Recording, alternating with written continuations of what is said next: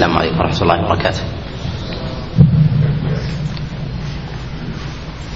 لا إله إلا الله وعلى آله وصحبه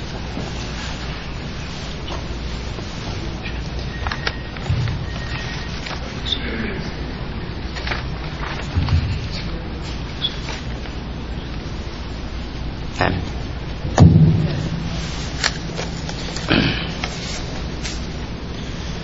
الحمد لله رب العالمين والصلاة والسلام على سيد الأولين والآخرين نبينا محمد وعلى آله وأصحابه أجمعين اللهم علمنا ما ينفعنا وانفعنا بما علمتنا يا رب العالمين قال المؤلف رحمه الله تعالى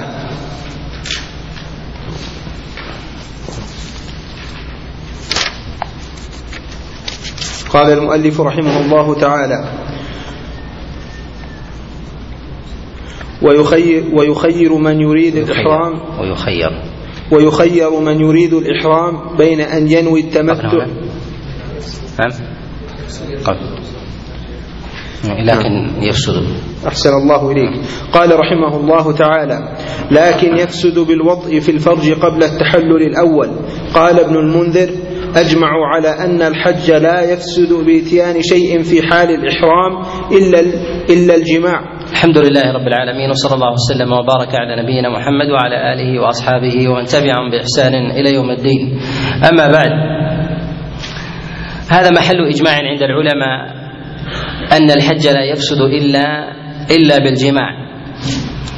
وأما بالنسبة لانتقاض أعمال الحج فإنها تنتقض بغير ذلك يعني إذا لم يكن للإنسان اختيار كالإحصار فإن الإنسان لا يقال بوجوب بوجوب إتيانه ببقية العمل. وأما بالنسبة لفساد العمل بالوضع فإنه يجب عليه أن يأتي بالباقي من نسكه ثم ثم يحج الإنسان من قابل. وهذه المسألة في مسألة بطلان حج.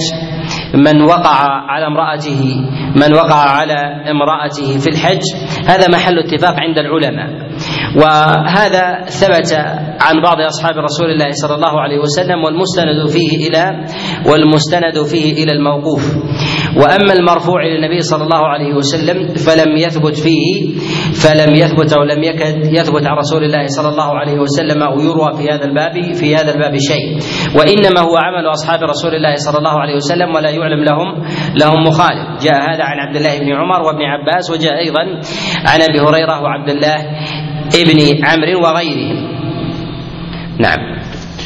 قال رحمه الله تعالى وهناك من المتأخرين ممن سلك مسلك هذا الظاهر الذين يقولون الذين يقولون بعدم بطلان الحج بالوضع قالوا وذلك لعدم ثبوت المرفوع ويذهب إلى هذا جماعة من بجماعة من أهل الحديث كالصنعاني والشوكاني.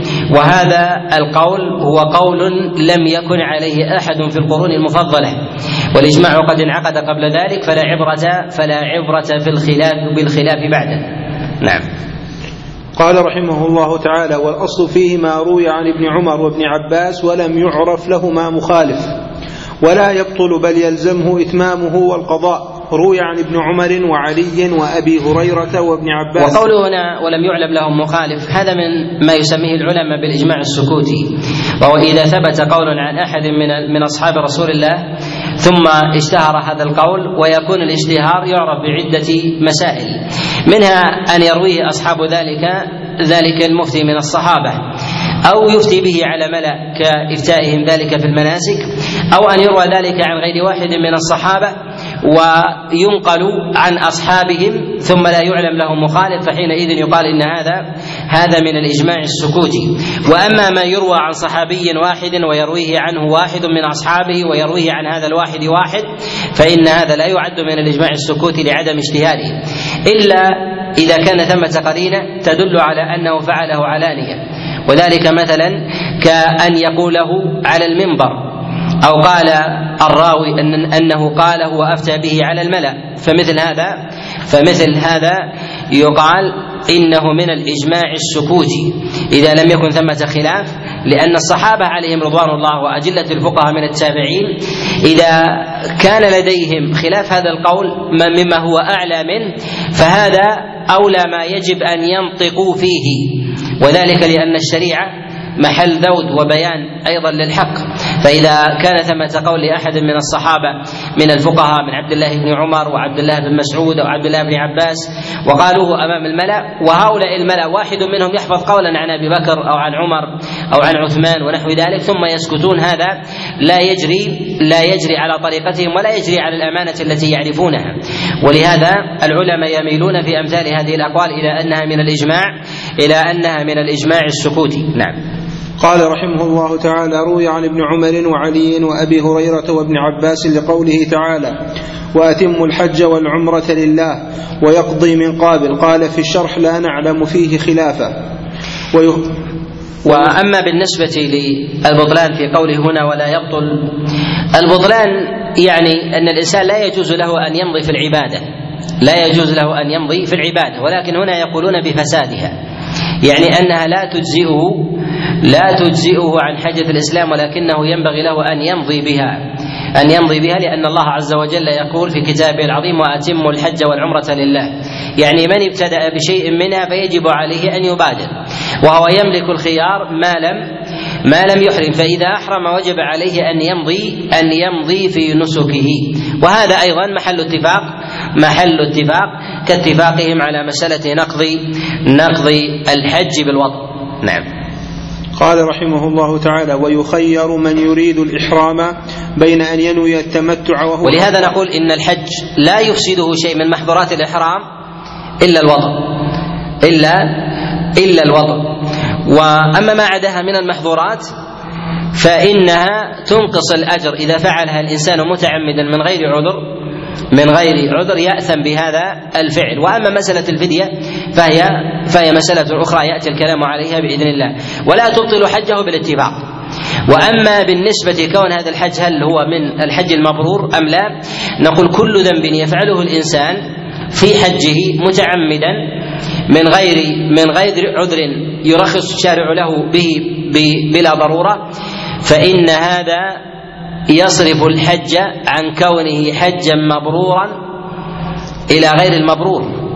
وهذا يحكى اتفاق الأئمة الأربعة عليه على أن ما ارتكب شيئا من المعاصي فإن حجه ليس بمبرور. قال وذلك مخالف لقول الله سبحانه وتعالى الحج أشهر معلومات فمن فرض فيهن الحج فلا رفث ولا فسوق ولا جدال ولا جدال في الحج. نعم. قال رحمه الله تعالى ويخير من يريد الإحرام بين أن ينوي التمتع وهو أفضل. روي ذلك عن ابن عباس وابن عمر وغيرهما. قال الإمام أحمد وهو آخر, وهو آخر الأمرين منه صلى الله عليه وسلم. الأنساك ثلاثة إفراد وقران وتمتع. أما بالنسبة للإفراد والقران فهي في الصورة واحدة في الصورة الظاهرة واحدة وتختلف بعدة أمور منها النية.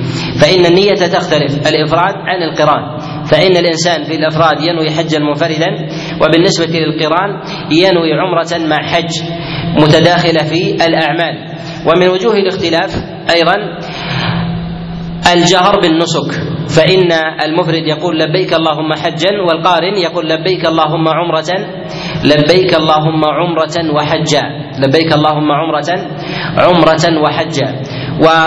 ومن الوجوه أيضا الاختلاف أن القارن يجب عليه الدم وبالنسبة للمفرد لا يجب عليه بل يستحب يستحب له أن يأتي بالهدي وأما القارن فيجب عليه وجوبا ومن وجوه أيضا الاختلاف أن القارن عمله يسقط عنه فرض العمرة مما يجب عليه على من قال بوجوبها. وأما المفرد فعمله خاص خاص بالحج. وكذلك أيضا خامس أن بعض العلماء يرى أنه يجب على على القارن أن يأتي بسعي بعد سعي بعد سعيه الذي جاء به في طواف في طواف القدوم. وهذا وهذا قول مرجوح. وأما في الأفضل في ذلك في قوله وهو الأفضل في التمتع. اولا ينبغي أن نفصل المسألة في فضلية هذه الأنساك. العلماء وكذلك مروي عن جماعة من السلف إطلاقات التفضيل في مسألة الأنساك الثلاثة يطلقون هذا النسك أفضل من غيره. ولكن ينبغي أن نتكلم على هذه المسألة بشيء من تحرير تحرير القول فيها مما يتفق عليه مما يتفق عليه الأئمة. ثم بعد ذلك نورد مواضع الاختلاف مواضع الاختلاف في هذا. ينبغي أن نقول أن الأفضل باتفاق الأئمة أن الإنسان يأتي بالعمرة منفردا يعني بسفر من بيته إلى المسجد الحرام ثم يرجع ويأتي بحج منفردا ويأتي بحج بحج منفردا وذلك ظاهر في قول الله جل وعلا وأتموا الحج والعمرة لله. ومن تمامها أن يأتي بها الإنسان من داره إلى إلى المسجد الحرام ثم يرجع لكل نسك لكل نسك سفرا مستقلا. وهذا يتفق العلماء على أفضليته من جهة إسقاط من جهة إسقاط الفرض. فهذا أكمل الوجوه. فهذا فهذا أكمل الوجوه. ولكن ثمة إشكال في كلام بعض العلماء. منهم من يقيد ذلك بالعام. يعني منهم من يقول ذلك بالعام يقول إذا أحرم بعمرة في عامه فإنه يستحب له أن يأتي بالإفراد أن يأتي بالإفراد في حج هذا العام. بخلاف لو كان معتمرا قبل ذلك قديما فإن السنة له التمتع. وأما بالنسبة للإنسان الذي اعتمر وكذلك حج وجاء واعتاد على الإتيان بالحج مرارا فأي الأنساك أفضل؟ أفضل له. نقول إذا كان إذا كان ممن يسوق الهدي كما ساقه النبي عليه الصلاة والسلام فالأفضل له القران الأفضل له القران. الإنسان مثلا يريد أن يأتي بالهدي كأن مثلا الناس الآن يشق على كثير من الناس هذا. كالذين مثلا في أطراف مكة أو نحو ذلك يريد أن يسوق الهدي معه. نقول الأفضل له هنا الإفراد والقران والتمتع. نقول الأفضل له القران. الأفضل له القران في مثل هذه الحالة. لماذا؟ لأن هذا هو حال النبي عليه الصلاة والسلام. بل إن النبي عليه الصلاة والسلام يقول لو استقبلت من أمري ما استدبرت ما سقت الهدي. معنى ذلك أني سقت الهدي وذلك يلزمني معه القران. فلما كان كان لازما على النبي عليه الصلاة والسلام مع سوق الهدي أن يكون قارنا دل على أفضلية القران على لمن ساق الهدي لمن ساق الهدي. وأما بالنسبة لمن لم يسق الهدي فالأفضل في حقه التمتع فالافضل فالأفضل في حقه التمتع. وهذا يكون في حال الإنسان الذي مثلا قد اعتمر قبل ذلك إما قبل العام على من قال بالتفريق بين العمره في ذات العام أو عن عن غيرها. نقول إن الإنسان إذا كان قد اعتمر قبل ذلك وحج وينشئ الحج كل عام نقول الأفضل في حقه الأفضل في حقه أن يكون متمتعا إذا لم يسق الهدي. وهذا الذي عليه قول جماهير السلف وهو قال عبد الله بن عباس وقال عبد الله بن عمر والإمام أحمد وقوله هنا وآخر الأمرين من النبي عليه الصلاة والسلام. النبي عليه الصلاة والسلام في ابتداء الأمر كان كان قارنا لأنه ساق الهدي. ثم النبي عليه الصلاة والسلام قال لو استقبلت من أمري ما استدبرت.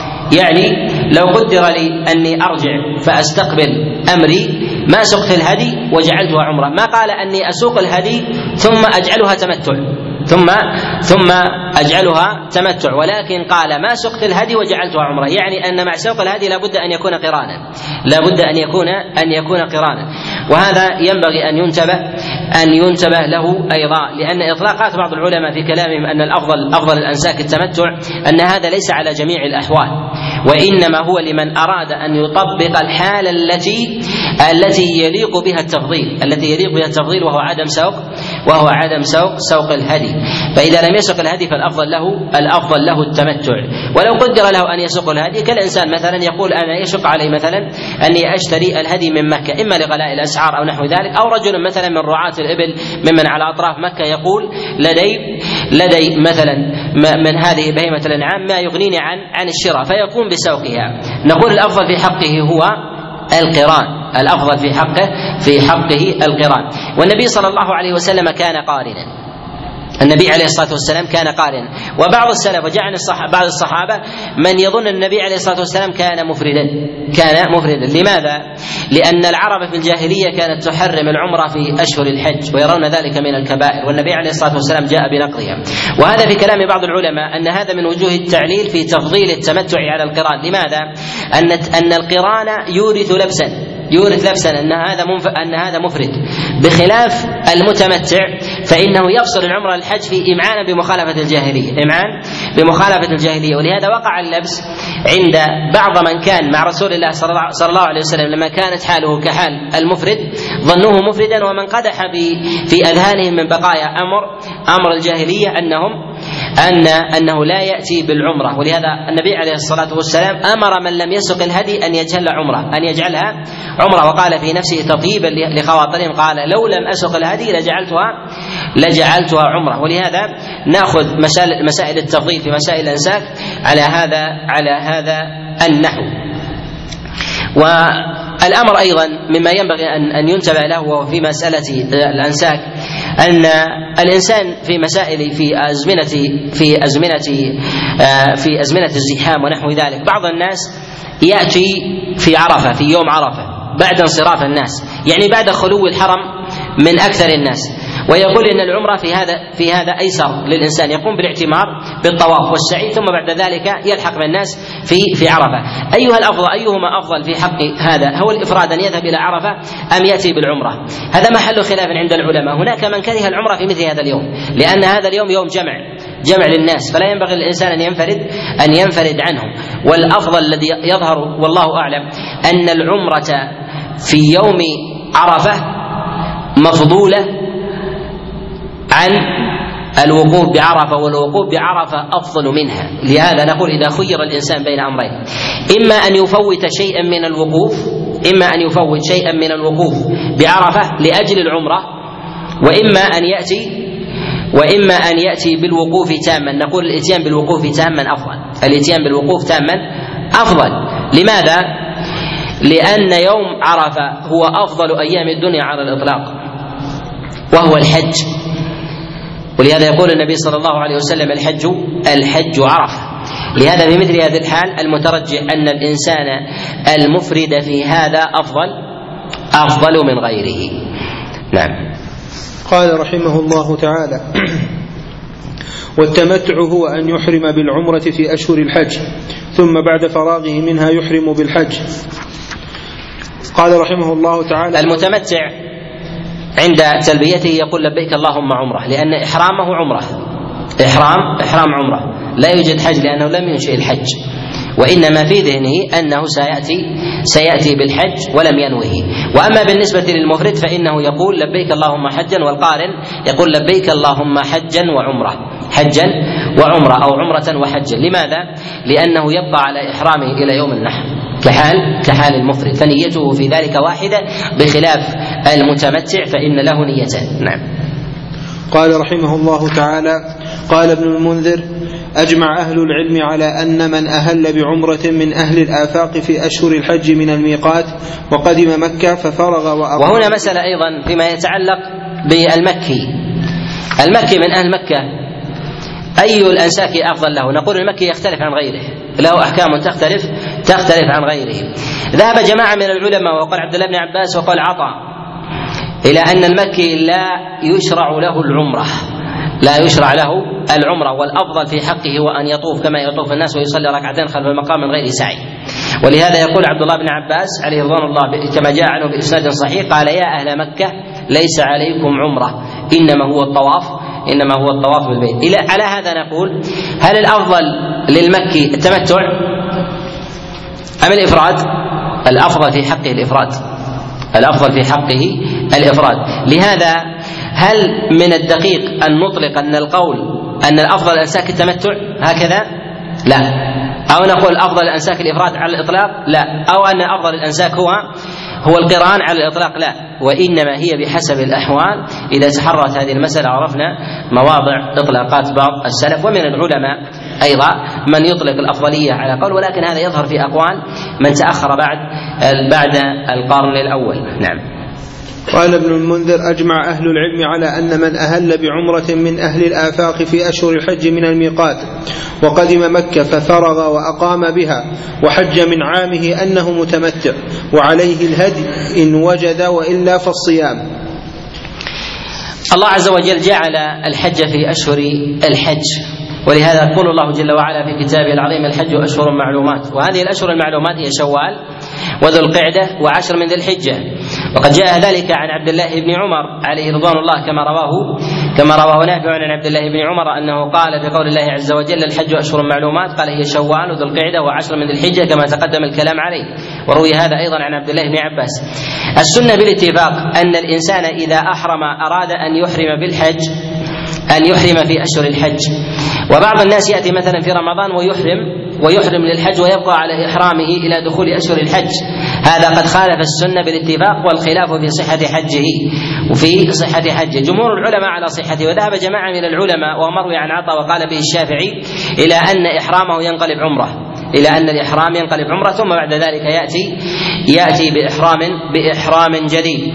وأما من أتى بالعمرة في أشهر الحج من الميقات في ثم أراد الحج من ذات العام أنه لا يملك الخيار أن يختار أن يختار أي نسك من الأنساك.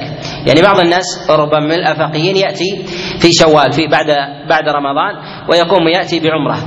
ثم ينتظر ممن يأتون مثلا من مصر أو من اليمن أو من الشام ونحو ذلك أو أيضا من من البلدان حول مكة. ويأتي ويبقى في مكة بعد إتيانه بالعمرة. ثم يريد الافراد نقول لا يملك الخيار. لزمته العمرة. لزمته لزمه التمتع. لزمه التمتع. ووجب عليه في ذمته ولزم عليه في ذمته الهدي. ويجب عليه ويجب عليه ذلك وجوبا وليس له الخيار. نعم. قال رحمه الله تعالى والإفراد هو أن يحرم بالحج ثم بعد فراغه منه يحرم بالعمرة.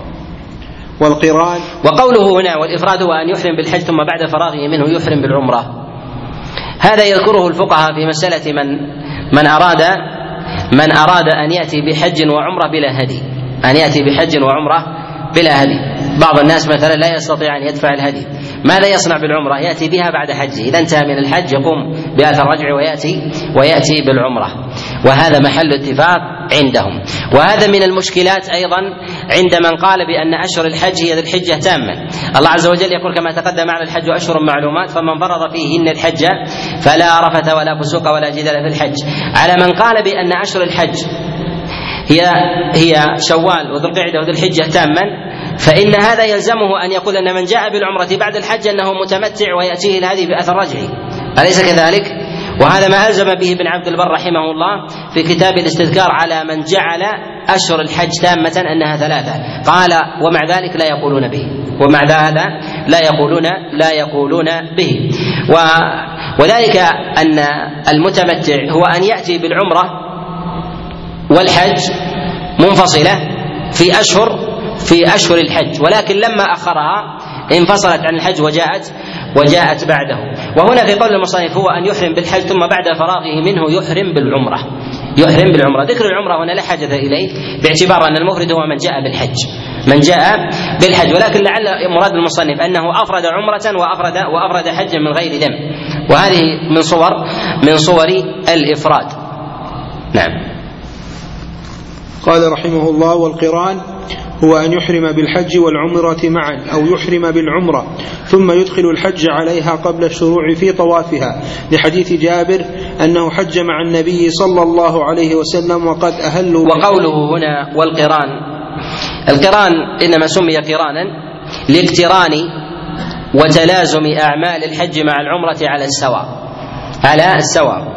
والنية في ذلك لا تضر. كأن يكون الإنسان مثلا أحرم أحرم بعمرة. ابتداء. ثم أراد أن يجعلها قرانا ولم يبتدئ بالأعمال فجعل الحج مع العمرة ولم يحل بعد بعد قضائه من السعي. الحالة الثانية أن يكون قد نوى ابتداء الحج مع العمرة في عمل واحد. فهذا فهذا هو هو القارن ويجب عليه الدم كما تقدم صورته كصورة كصورة المفرد. نعم. لحديث جابر أنه حج مع النبي صلى الله عليه وسلم وقد أهلوا بالحج مفردا. فقال لهم صلى الله عليه وسلم حلوا من إحرامكم بطواف البيت وبين الصفا والمروة وقصروا وأقيموا حلالا حتى إذا كان يوم التروية فأهلوا بالحج واجعلوا الذي قدمتم بها متعة. فقالوا كيف نجعلها كيف نجعلها متعة؟ وقد سمينا الحج. فقال عليه الصلاة والسلام افعلوا ما أمرتكم به فلولا أني سقت الهدي لفعلت مثل ما أمرتكم به ولكن لا يحل مني حرام حتى يبلغ الهدي محله. متفق عليه. وهذا فيه دليل على أنه يسوغ للإنسان أن يغير النسك ما لم يشرع بالأعمال. ما لم يشرع بالأعمال. كان يكون الإنسان مثلا نوى التمتع ثم قبل أن يبدأ بالطواف نوى الإفراد. كان يكون مثل معه رفقة ويخشى أن يفترقون في الأعمال ونحو ذلك آه، وربما يشق عليه في ذهابه ومجيئه فأراد أن يجعل نيته واحدة فلا حرج في ذلك. بعض العلماء يقول أنه يسوغ أن يغير النية من المفضول إلى الفاضل ولا ولا يسوغ العكس. ولا يسوغ العكس. وهذا يدور أيضا في مسألة الخلاف الذي تقدم معنا في مسألة افضل أفضل الأنساك على على من قال بهذا بهذا القول. والصواب في ذلك أن السنة في ذلك أن يغير الإنسان نسكه من المفضول إلى الفاضل. وخلاف السنة أن يغيره من الفاضل إلى المفضول إلا لمصلحة الراجح. إلا لمصلحة راجحة. كأن يكون الإنسان مثلا قد غير النية لمصلحة الجماعة من رفقته. ولو بقي على ما هو عليه لأضر بنفسه وأضر بالرفقة من التخلف أو ربما الخسارة المالية التي ربما يكون له لديه حجوزات أو قوافل تذهب ويتأخر في ذلك وتغير حسبانه في هذا نقول لا حرج عليه حينئذ أن يغير للمصلحة الراجحة في ذلك. وإذا غيرها من شيء معلوم إلى شيء معلوم فإنه يسوغ أيضا أن يعلق النية أن يعلق النية على أن أن يبت فيها إذا قدم مكة أو رأى الرفقة. بعض الناس مثلا يأتي الميقات ولا يعلم رفقته رفقته قد سبق سبقوه ولا وسيلة إلى الوصول إلى إلى ما أحرموا به. فيقول اللهم لبيك ما بما بما أو أهل بما أهل به فلان. فهذا مما لا حرج فيه. أو يلبي من غير أن يعقد نية معينة. فلا يقول لبيك عمرة ولا لبيك حجا وينتظر الرفقة. فهذا فهذا جائز جائز أيضا. نعم. قال رحمه الله تعالى فإن أحرم به ثم وهذا يشترط في عدم البدء بالعمل. أما من ابتدأ بالطواف وانتهى قضي قضي الأمر. من ابتدأ بالطواف ثم انتهى قضي الأمر. ولكن بعض العلماء يرى جواز ذلك أن يكون من من الواجب إلى المندوب من الواجب إلى المندوب. وذلك على قول بعض العلماء من كان من نوى التمتع. الطواف الذي يأتي به الإنسان أول ما يأتي إذا كان متمتعا هو طواف العمرة. ثم بعد ما انتهى من الطواف وقبل أن يبدأ بالسعي قال أريد أن أكون مفردا أريد أن أكون مفردا. هذا نزلت مرتبته ولم ولم ترتفع لأن طواف المفرد في أول قدومه هنا هو طواف طواف القدوم وتحية البيت ولا يجب عليه كذلك أيضا في مسألة القارن نعم. قال رحمه الله تعالى فإن أحرم به ثم بها لم يصح ولم يصر قارنا. وهو قول علي رضي الله عنه رواه الأثرم بأنه لم يرد به أثر ولم يستفد به فائدة بخلاف ما سبق ويبقى على إحرامه بالحج. ومن أحرم وأطلق صح وصرفه لما وصرفه لما شاء وما عمل قبل وما عمل قبل فلغوا لقول طاووس خرج رسول الله صلى الله عليه وسلم من المدينة لا يسمي حجا ينتظر القضاء. فنزل فنزل عليه بين الصفا والمروة. وهذا وهذا لا يثبت وهو وهو في حكم المعضل وهو في حكم المعضل. والنبي عليه الصلاة والسلام كما هو ثابت في الصحيحين وغيرهما أن النبي عليه الصلاة والسلام كان ممن أهل بحج وعمرة وكان قارنا. وعلى أقل الأقوال في قول بعض السلف أنه كان كان مفردا فنيته معلومة. ولم يعلق النبي عليه الصلاة والسلام نسكه. نعم. وكذا من أحرم بمثل ما أحرم به فلان. لحديث أنس قال قدم علي على رسول الله صلى الله عليه وسلم من اليمن فقال بما أهللت يا علي؟ قال أهللت بإهلال, بإهلال كإهلال النبي صلى الله عليه وسلم. قال لولا أن معي الهدي لأحللت. متفق عليه. لكن السنة لمن أراد نسكا أن يعينه.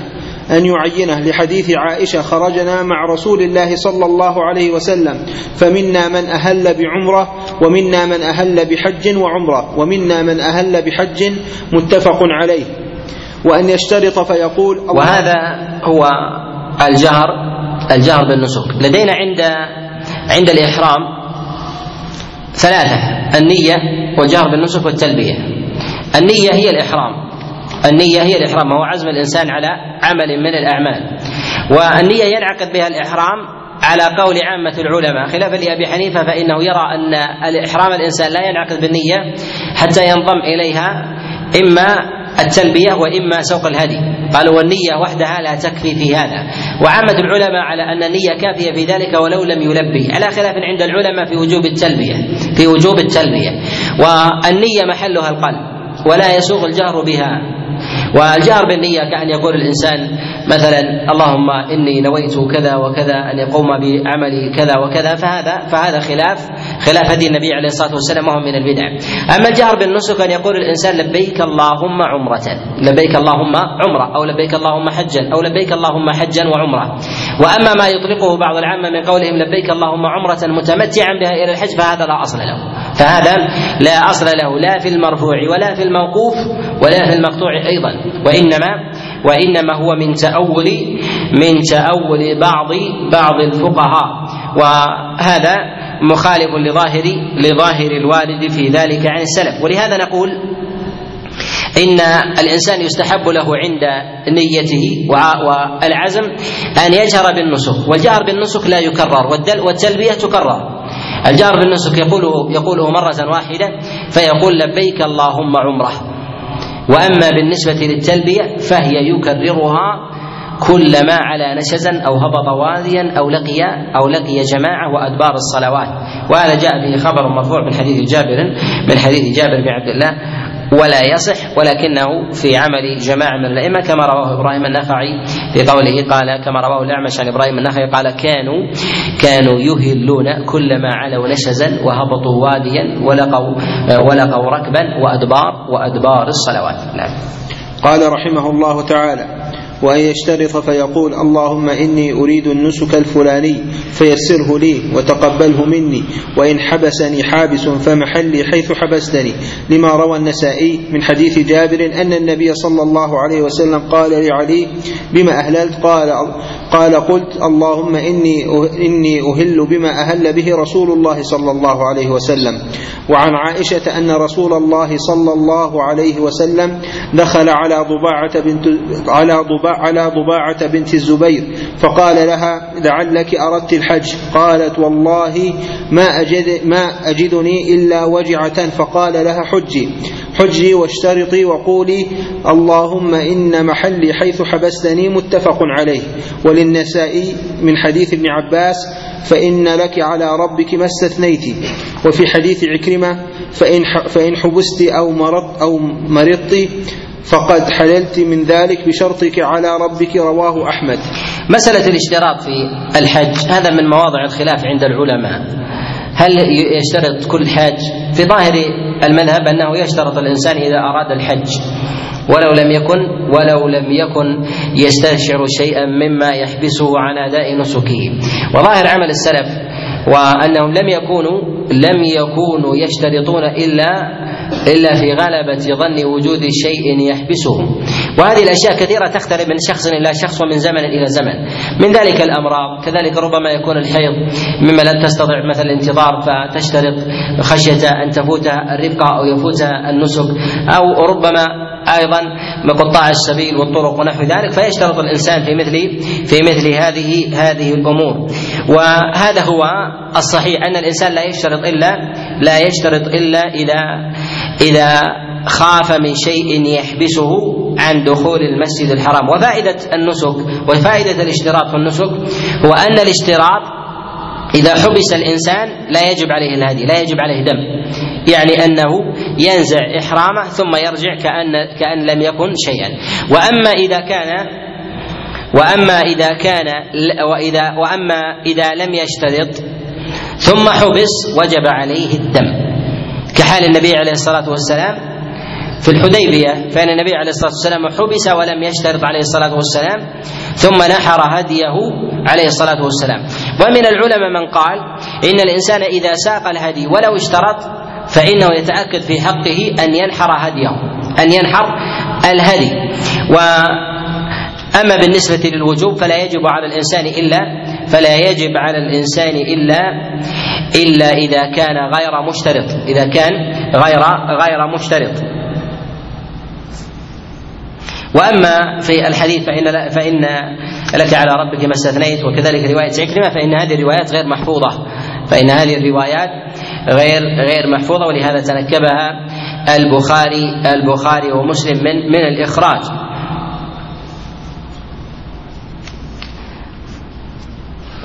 نعم.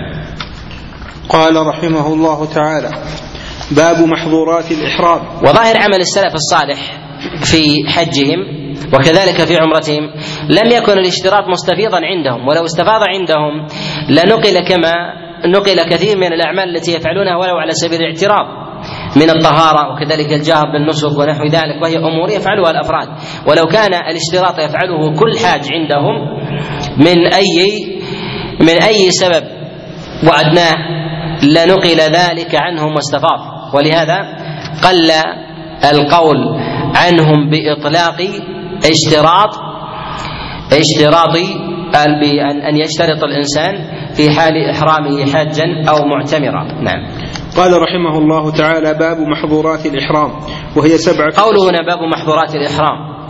عادة المصنفين يجعلون الباب أصر من الكتاب فيقولون الكتاب كذا ثم يفرعون عليه بأبواب وكذلك أيضا الفصول كذلك أيضا الفصول وهذا اصطلاح. لا حرج على الإنسان أن يقدم ويؤخر في هذه في هذه الأمور. والباب هو ما يدخل منه ويخرج منه والمحظورات هي جمع محظور والمراد بها هي الممنوع يعني ما يمنع على الإنسان ومشتق من من الحظر. والإحرام المراد به هو ما يحرم على الإنسان ما يحرم على الإنسان بسببه ما كان قد حل له قبل قبل ذلك. من سائر الأفعال مما تقدم الكلام الكلام عليه. والمراد بالإحرام هو النية. وليس المراد بذلك هو هو اللباس. فإن اللباس هذا من من الواجبات. نعم. قال رحمه الله تعالى وهي سبعة أشياء. أحدها تعمد لبس المخيط على الرجل حتى الخفين. لحديث ابن عمر أن النبي صلى الله طبعا بالنسبة للمحظورات هذه من مواضع الخلاف وهنا يذكر يذكرها بحسب الراجح في المذهب. بحسب الراجح في المذهب وفي بعض المذاهب تزيد على ذلك تصل إلى عشرة أو أكثر من هذا على خلاف عندهم في هذا ومنهم من من يقللها من يقللها شيئا والأشهر في ذلك هو والأشهر في هذا أن أكثر من ذلك ويأتي شيء من التفصيل في هذا. قوله رحمه الله أحدها تعمد لبس المخيط على الرجل حتى الخفين. المراد بالمخيط هو مخيط مفصلا على البدن مخيط مفصلا على البدن على أي عضو على أي عضو يفصل عليه عادة. على أي عضو يفصل عليه عادة. يخرج من هذا ما لا يفصل عليه عادة. كأن يلبس الإنسان مثلا قماشا أو قطعة على أصبعه أو يدخل شيئا في ساعده ونحو ذلك. أو كذلك أيضا ما يشد الإنسان به حقوه ونحو ذلك. الناس في مثل هذا عادة عادة لا يفصلون هذا على الجسد لأنه مما لا ينتفع لا ينتفع به. فإذا وضع الإنسان مثلا شيئا من المخيط على أصبعه أو على أصبعين أو على إبهامه ونحو ذلك هذا مما لا لم يكن من العادة من عادة الناس أنه يفصل على العضو. ولكن ما يفصل على العضو كالقفاز الخف كذلك أيضا ما يوضع من قلنسوة أو عمامة أو طاقية أو أو غترة كذلك أيضا ما يلبسه الإنسان عليه مفصلا بخلاف ما يتوشح الإنسان أو يرمي به على أطرافه. فما هو مفصل في ذاته؟ لا يحرم إلا إذا اتخذه الإنسان ملبوسا يعني كأنما فصل. فالإنسان مثلا القميص الذي هو عليه لا حرج عليه أن يضعه على كتفيه أن يضعه على كتفيه. كذلك أيضا ما يسمى بالعباءة والمشلح للرجل. لا حرج عليه أن يضعه على كتفيه من غير من غير إدخال من غير من غير إدخال. فيكون كحال اللباس الذي يرمي به الإنسان على طرفيه كذلك أيضا ربما يسمى بالبطانيات أو الشراشف ونحو ذلك الذي يضعه الإنسان على كتفيه فهذا ليس من المخيط لأنه ليس مما يفصل عادة. ليس مما يفصل عادة. ويدخل في أبواب المخيط بالسراويل كذلك الفانيلات القمصان ما يوضع على الروس وكذلك أيضا الأكمام ويلبسه الإنسان أيضا ما يسمى بالتبان مما يلف به الإنسان على على خاصرته مفصلا تاما ما يسمى بتلبسه النساء بالتنورة ونحو ذلك. فهذا فهذا من محظورات من محظورات الإحرام. نعم. قال رحمه الله تعالى لحديث ابن عمر أن النبي صلى الله عليه وسلم سئل ما يلبس المحرم؟ فقال لا يلبس القميص ولا العمامة ولا البرنص ولا السراويل ولا ثوبا مسه ورس ولا زعفران ولا الخفين إلا ألا يجد نعلين فليقطعهما حتى يكونا أسفل من الكعبين متفق عليه. نص على هذه هذا الحديث هو العمدة والأصل في أبواب محظورات الإحرام. وهنا فيه لطيفة أن أن النبي صلى الله عليه وسلم حينما سئل قال ما يلبس المحرم؟ ما يلبس المحرم؟ قال لا يلبس. نعم ما لم يسأل النبي عليه الصلاة والسلام قال ما المنهي عنه؟ وإنما سئل ما يلبس المحرم.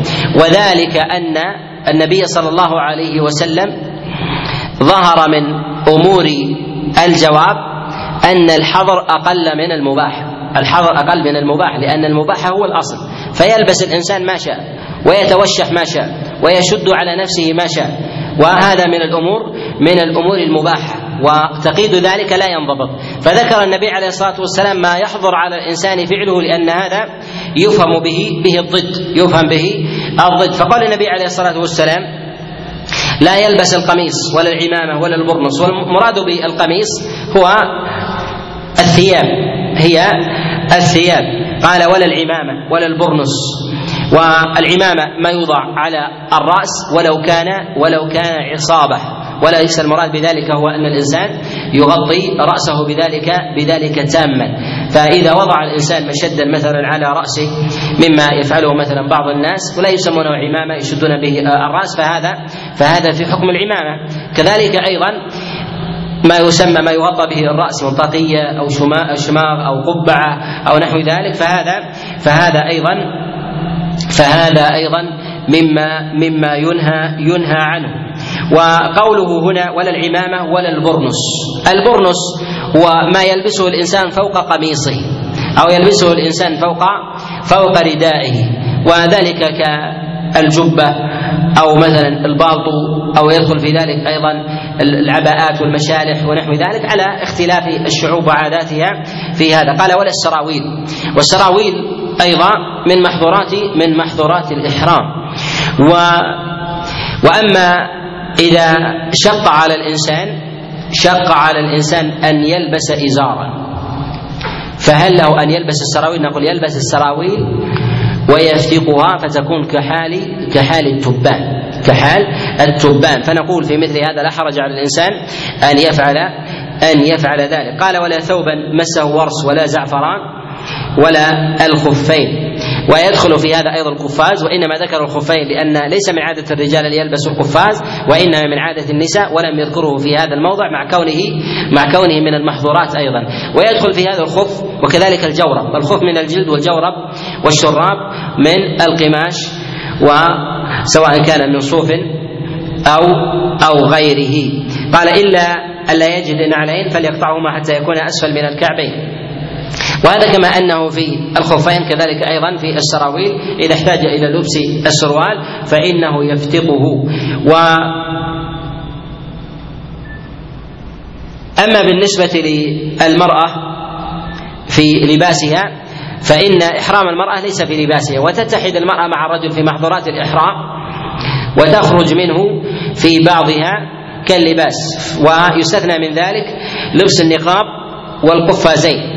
النقاب لكونه مفصلا. النقاب لكونه مفصلا. اختلف العلماء في مسألة في مسألة المحظور على المرأة من النقاب. هل المراد بذلك النقاب مخصوصا بعينه؟ أم المراد بذلك هو تغطية وجهها؟ تغطية الوجه على أي وجه كان. المراد بهذا على الصحيح هو النقاب بعينه مفصلا. بعينه بعينه مفصلا. وليس المراد بذلك هو تغطية تغطية وجهها وهذا الذي ذهب إليه جماعة جماعة من السلف وهو فعل أمهات المؤمنين وجماعة وجماعة منهن. فهذا جاء عن عائشة عليه رضوان الله تعالى وجاء عن أسماء وغيرهن.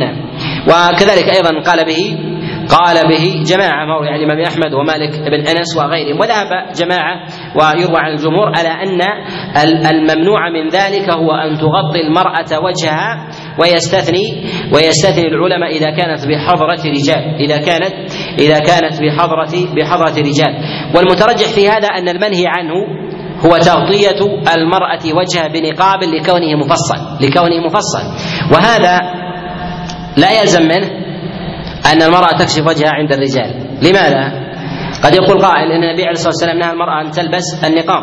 نقول النبي نهى الرجل أن يلبس السراويل أيضا. فإذا قلنا بالمنع هناك فيلزم أن نقول بالمنع هنا والنص في ذلك والنص في ذلك واحد. ولهذا نقول إن المرأة عند الرجال يجب عليها يجب عليها أن تغطي وجهها. والدليل على هذا ما جاء في حديث فاطمة بن منذر على أسماء قالت قالت حججنا مع أسماء وكنا محرمات وكنا نغطي وجوهنا. وجاء أيضا عند مسدد من حديث إسماعيل بن أبي خالد عن أمه وأخته أنهما دخلتا على عائشة وهي في إحرامها قالت فقلنا لها إن ثمة امرأة. لا تغطي وجهها فقالت عائشة بهكذا بخمارها من على صدرها وضربت به على على على وجهها. وكذلك أيضا في مسألة القفاز ليس المراد بذلك هو التغطية لهذا لا حرج على المرأة أن تغطي يدها بعباءتها أو بمنديل. أو ب أو بفوطه ونحو ذلك لا حرج عليها أن تصنع ذلك. والمحرم في هذا هو لبس المفصل بذاته. لماذا؟ قيل إن العلة في ذلك هو الترفه. الترفه منع المرأة من الترفه وأن تكون المرأة شائثه كحال كحال الرجل. نعم. قال رحمه الله تعالى نص على هذه الأشياء وألحق بها أهل العلم ما في معناها مثل الجبه والذراع والتبان وأشباه ذلك. قاله في الشرح وعنه في الخفين لا يقطعهما. لحديث ابن عباس سمعت النبي صلى الله عليه وسلم يخطب بعرفات من لم يجد إزارا فليلبس سراويل ومن لم يجد نعلين فليلبس خفين متفق عليه. وهذا هو الأرجح في حديث عبد الله بن عباس. في مسألة الإنسان إذا إذا لم يجد عليه وجد الخفين لا يقطعهما على الصحيح. ويكون ما جاء في حديث عبد الله بن عمر منسوخ بهذا منسوخ بحديث عبد الله ابن عباس على الصحيح. وهذا قول أحمد خلافا لجمهور العلماء. جمهور العلماء قول مالك والشافعي وأبي حنيفة إلى أنها تقطع والأرجح في ذلك أنها لا تقطع وهذا من مفاريد مذهب الإمام أحمد رحمه الله في المناسك. نعم. قال رحمه الله تعالى قيل إن هذا ناسخ لحديث ابن عمر السابق لأن هذا بعرفات قاله الدار قطني وحديث ابن عمر وحديث ابن عمر بالمدينة لرواية أحمد عنه سمعت رسول الله صلى الله عليه وسلم على هذا المنبر وذكره وأجيب عن قولهم حديث ابن عمر فيه زيادة لفظ بأن حديث ابن عباس وجابر فيهما زيادة حكم وهو جواز اللبس بلا قطع. الثاني تعمد تغطية الرأس من الرجل ولو بطين أو استضلال بمحمل لنهيه صلى الله عليه وسلم. المحرم وهنا في قوله هنا تعمد تغطية الرأس من الرجل ولو بطين. المراد بتغطية الرأس أن يضع الإنسان شيئا مماسا على جسده وأن يتعمد بغير ذلك أن يتعمد أن يتعمد بغير ذلك. والمراد بذلك هو أن يتجرد الإنسان وأن يبقى على فطرته التي التي جعله الله عز وجل عليها من غير تنعم. كذلك منعا للتمييز بين بين الناس بتحسين المظهر ونحو ذلك. وإنما المراد بذلك أن يكون الناس على السواء. أن يكون الناس على السواء. لا من جهة أقدامهم من جهة الخفاف فلا يلبس هذا أغلى من هذا ولا العمامة ولا القمصان ونحو ذلك. ويبقون ويتجردون ويكون لباسهم لباسهم واحد. ولهذا ولهذا جعل الشارع تغطية الرأس من محظورات الإحرام وهذا باتفاق العلماء باتفاق العلماء.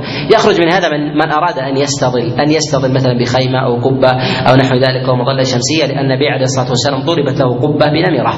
لما أراد النبي عليه الصلاة والسلام أن يذهب إلى عرفة وكان النبي يستظل بها. وكذلك أيضا كان النبي عليه الصلاة والسلام في كان النبي عليه الصلاة والسلام يستظل كما كما في مزدلفة. وهذا مما لا حرج مما لا حرج فيه.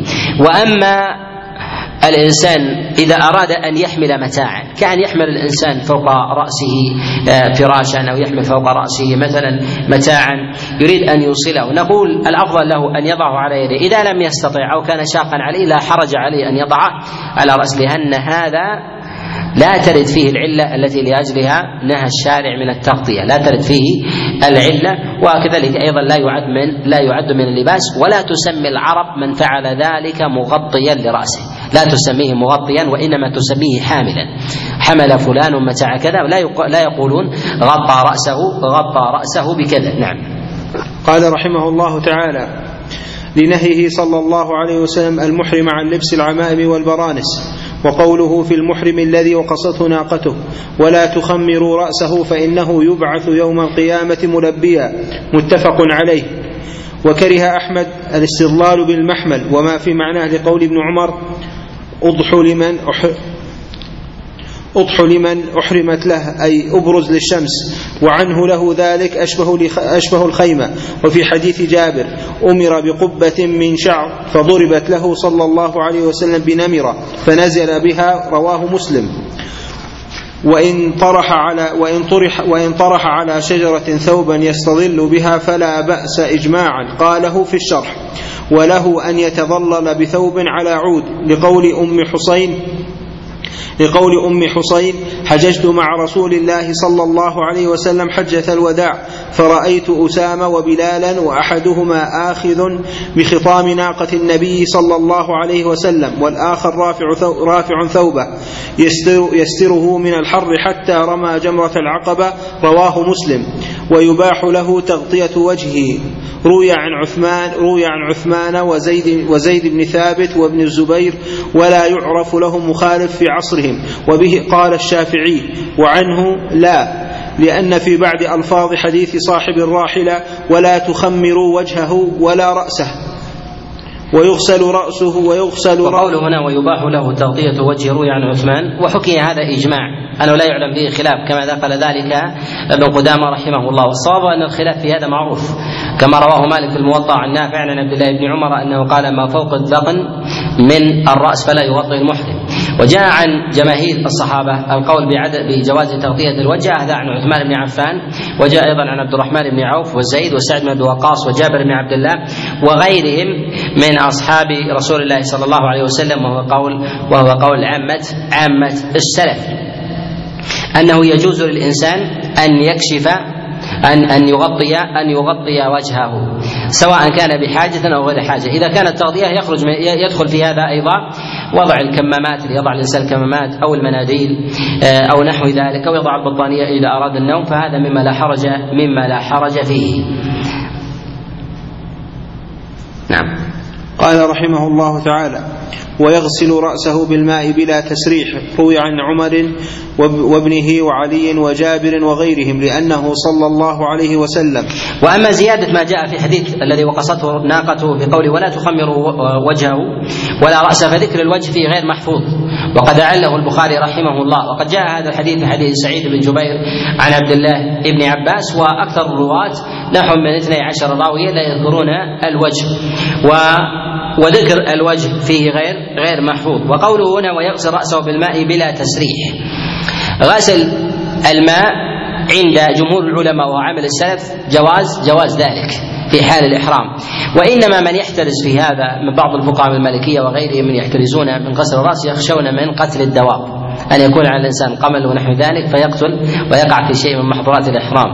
وهذا هذا مظنون والأصل في ذلك الأصل في ذلك الجواز. كذلك أيضا في مسألة حك الرأس. في مسألة حك الرأس. يخشون أن يزيل شيئا من شعره. كذلك أيضا يقتل شيئا من هوام رأسه ويأتي مزيد كلام على هذا. وكان عبد الله بن عباس وعمر بن الخطاب يترامسان في الماء. يترامسان في الماء وهما محرمان. نعم.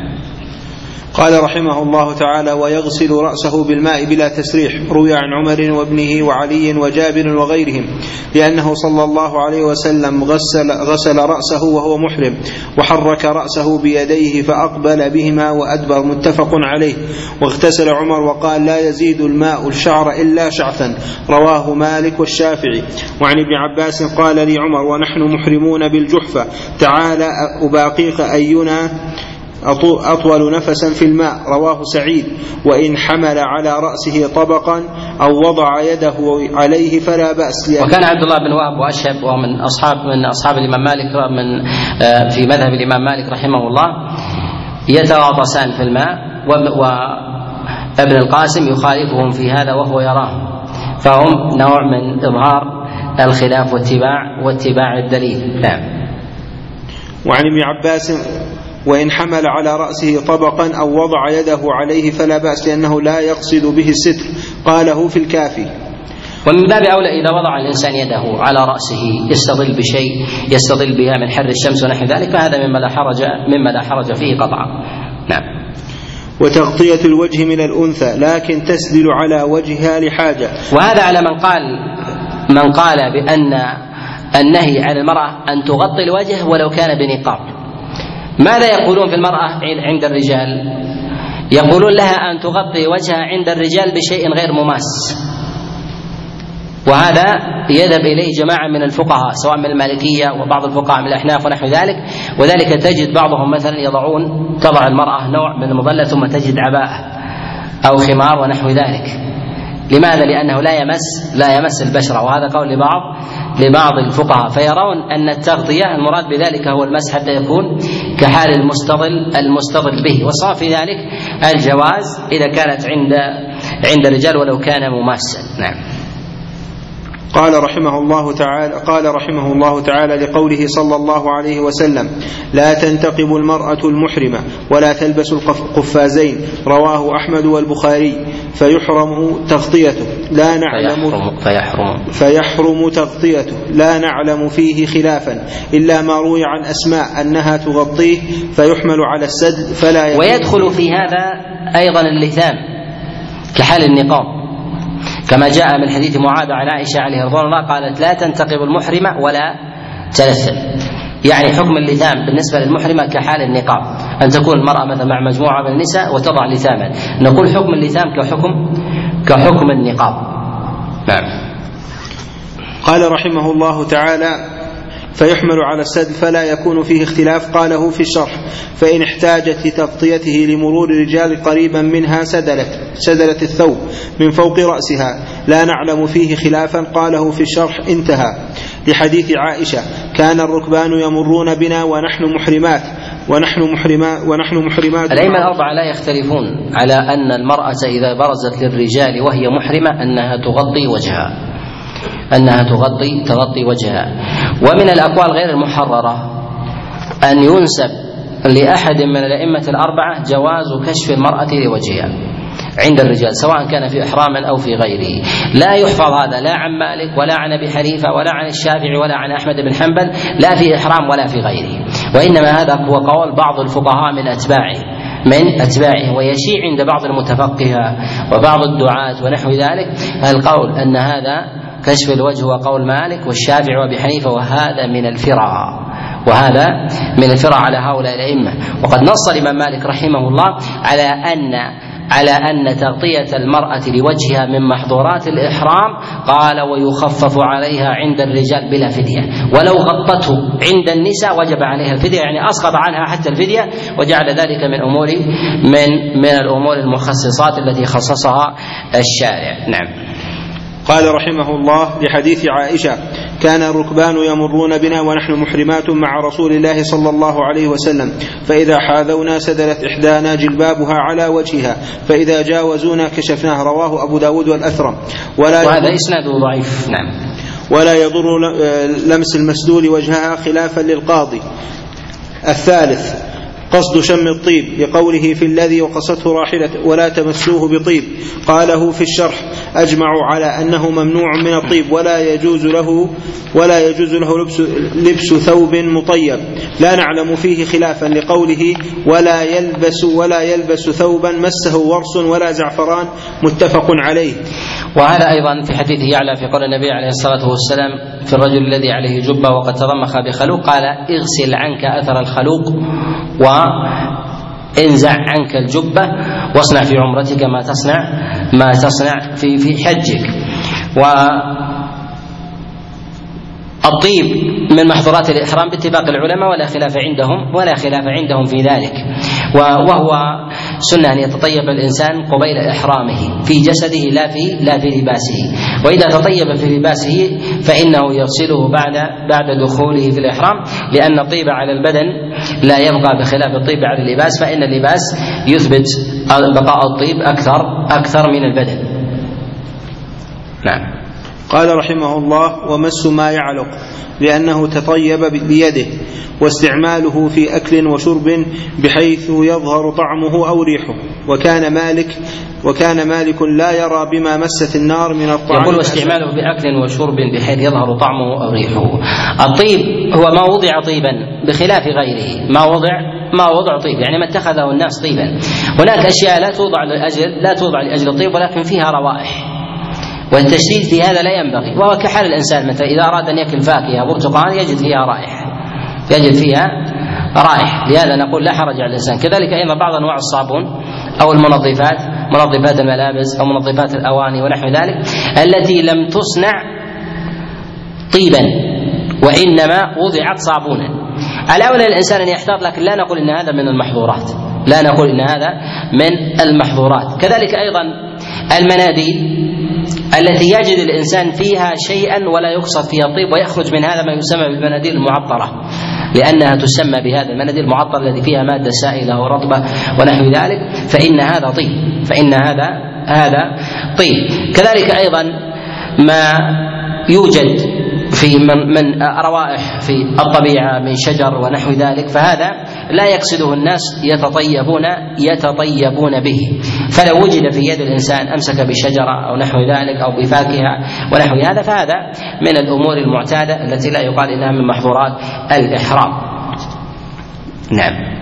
قال رحمه الله وكان مالك لا يرى بما مست النار من الطعام بأسا وإن بقيت رائحته وطعمه ولو شم الفواكه كلها وكذا نبات الصحراء كشيح, كشيح وقيصوم وخزامة وكذا ما ينبته الآدمي لغير قصد الطيب كحناء وعصفر وقر وقر وقرنفل ودارص ودارصين قاله في الإقناع.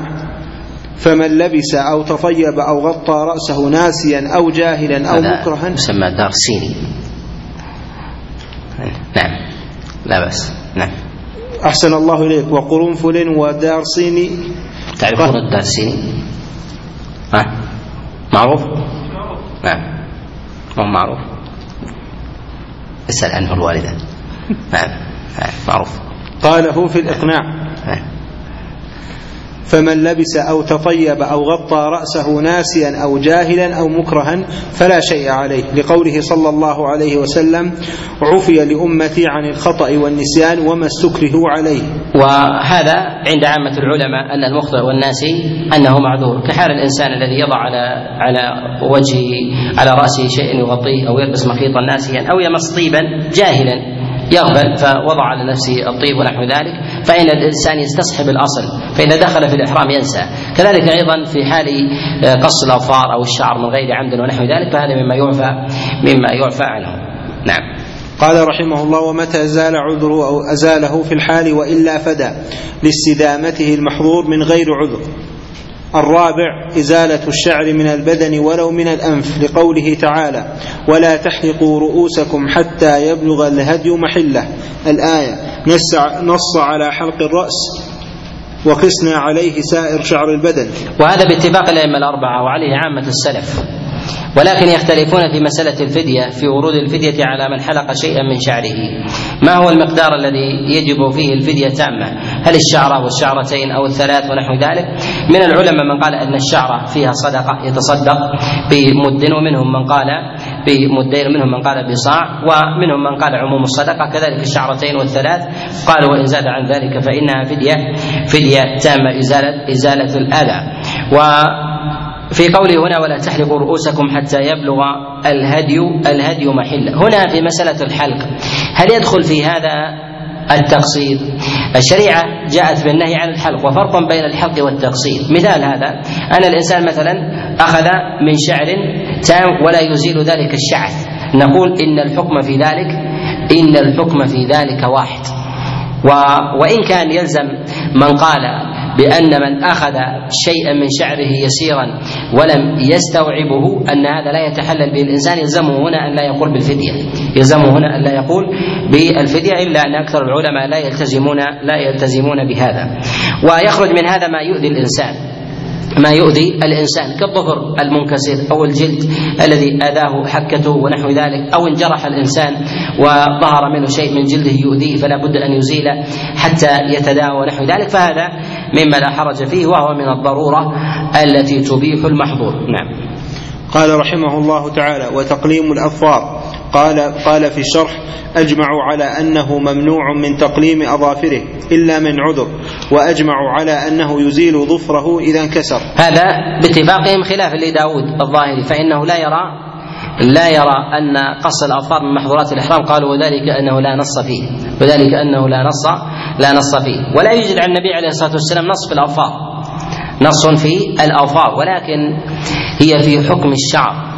وجاء هذا عن عبد الله بن عبد الله بن عباس عليه رضوان الله في قول الله جل وعلا ثم ليقضوا تفثهم وليوفوا نذورهم. قال عبد الله بن عباس كما رواه جرير الطبري في كتاب التفسير من حديث معاوية عن علي بن أبي طلحة عن عبد الله بن عباس قال يأخذ من شعره وظفره. يعني أن هذا كان محرما عليه يعني كان محرما محرما عليه قبل قبل ذلك. ولدينا مسألة وهي مسألة ما يكون للإنسان ما يكون للإنسان عند عند إحرامه. يستحب للإنسان عند إحرامه التنظف والتطيب والأخذ من الأظفار.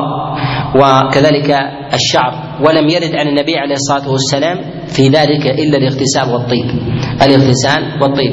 أما أن يأخذ الإنسان من شعر من شعر إبطه وعانته وأن يأخذ من أظفاره والاوشاربه ونحو ذلك فهذا لم يثبت عن النبي عليه الصلاة والسلام. أعلى ما جاء في ذلك بإسناد صحيح عمر بن الخطاب أنه أخذ من شارب رجل اسمه محمد من شعر رجل اسمه محمد بن أبي ربيعة في عند عند إحرامه.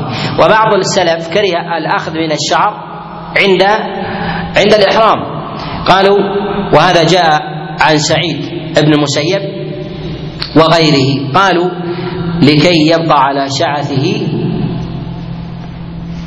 ويحلقه عند تحلله. وهذا إذا كان على قوله في ذلك الزمن فهو في زماننا هكذا لأنهم يحرمون ويأخذون على ذلك أسابيع حتى يصلون.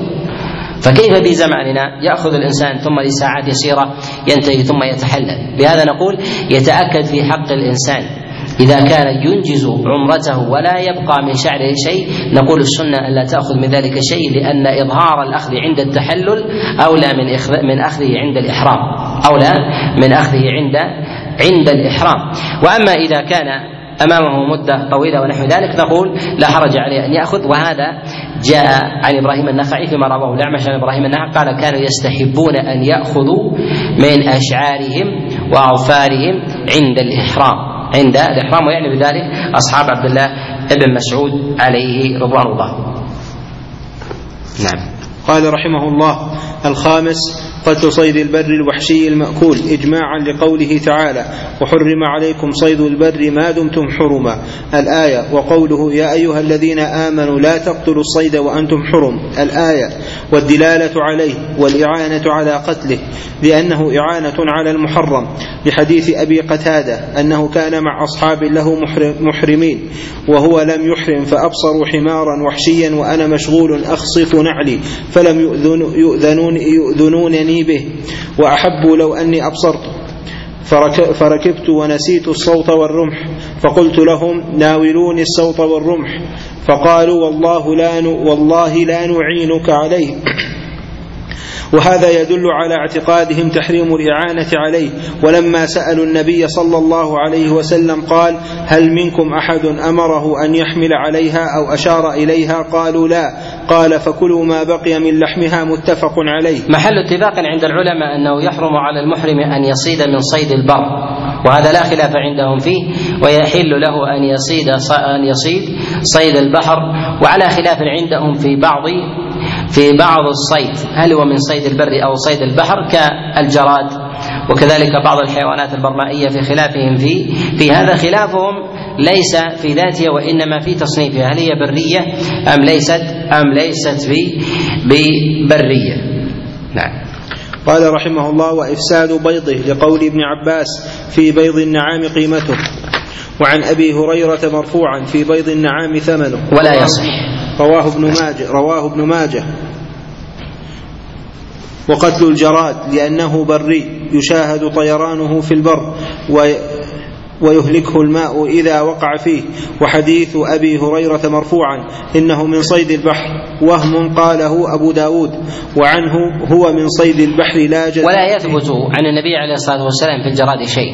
لا يثبت عن النبي عليه الصلاة والسلام في الجراد شيء والجراد هو صيد بري وليس بصيد وليس بصيد بحري. قال رحمه الله تعالى وعنه هو من صيد البحر لا جزاء فيه. قال ابن المنذر قال ابن عباس هو من صيد البحر.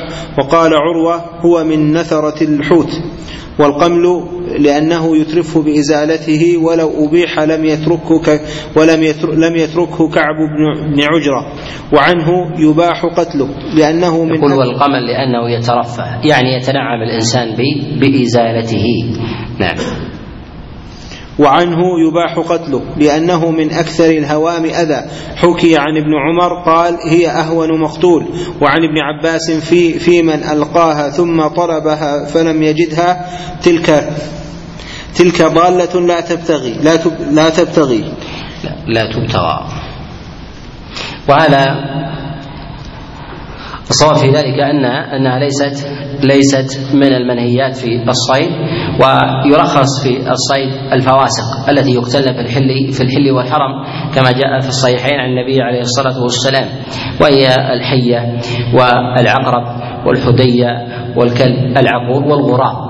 وجاء في لفظ الفأر أيضا ويأتي الكلام عليه بإذن الله. نعم. قال رحمه الله تعالى لا البراغيث بل يسن قتل كل مؤذن مطلقا في الحرم. ويدخل في هذا أيضا ما يقاس عليها من الحيوانات الصائلة على الإنسان كالسباع تقاس على الكلب العقور من الفهود والنمور والثعالب ونحو ذلك. كذلك هوام الأرض التي تبتلي الإنسان مثلا بنفسها وتلدغ وتكون في حكم الحية أو العقرب ونحو ذلك. أو كذلك النجاسات التي تبتلي الإنسان مثلا في خيمته ونحو ذلك فتقاس على الفأر. فهذا مما لا حرج بقتله. نعم.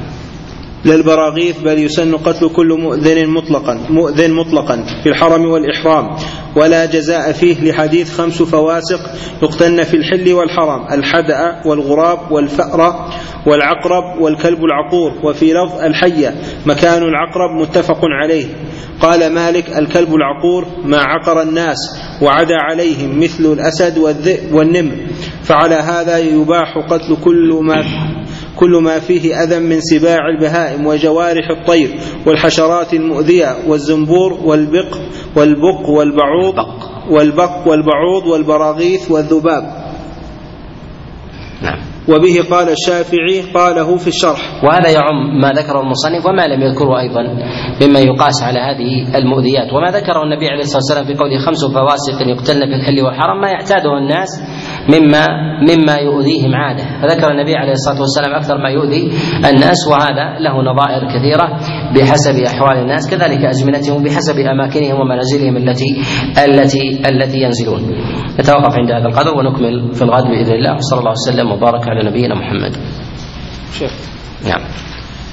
في من من أهل الآفاق اتوا واعتمر في أشهر الحج.